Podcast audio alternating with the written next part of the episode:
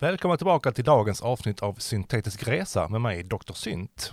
Idag har jag kommit fram till år 1985. 1985 släpper Dead or Alive singeln You Spin Me Around Like a Record. Duran Duran gör musiken till James Bond-filmen A View to a Kill. Howard Jones gör stor succé med låten Things Can Only Get Better och Vince Clark slår sig ihop med Andy Bell bildar gruppen Erasure. 1985 är också året då Skinny Puppy släpper LPn Bites och den inflytelserika låten Assimilate som är dagens låt. Den läm lämnar det lite glättiga och syntpoppandet och går in i en ny fas, nämligen industrimusik, eller in industrial rock på engelska. Denna genre har sitt ursprung i 70-talets experimentella grupper, såsom till exempel Throbbing Gristle, Einstürzende Neubauten, Kraftwerk och Cabaret Voltaire och sträcker sig vidare till Nine Inch Nails, KMFDM och Marilyn Manson. Skinny Puppy bildades 1982 i Vancouver, Kanada av Kevin Key och Nivek Auger och Dave Ogilvy. De tog även in Bill Lieb som keyboardist.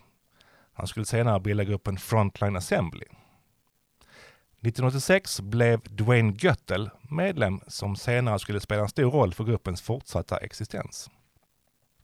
Idén bakom namnet Skinny Puppy var att man ville skapa musik som kunde utforskas genom en hunds ögon.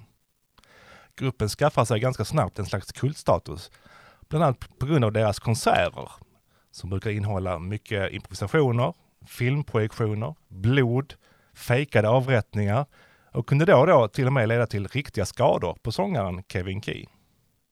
Gruppens videos innehåller bland annat chockerande scener för att skapa uppmärksamhet mot plågsamma djurförsök och censur av skräckfilmer. 1996 under inspelningen av albumet The Process ökar spänningen inom bandet och Dwayne Göttel försvinner med materialet till skivan. Han återfanns senare död av en överdos heroin hemma hos sina föräldrar. Nivek Oge och Kevin Key färdigställer skivan, vart efter gruppen upplöstes.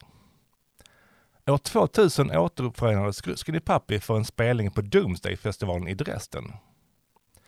Jag har själv fått uppleva Skinny Puppy live tre gånger, bland annat på Arvika-festivalen 2014, vilket var en mäktig upplevelse. Så varför har jag då valt just låten Assimilate? Jo, det är antagligen deras mest kända låt, en av deras allra bästa i mitt tycke. Så luta tillbaka och njut av Skinny Puppy och på återhörande syntevänner.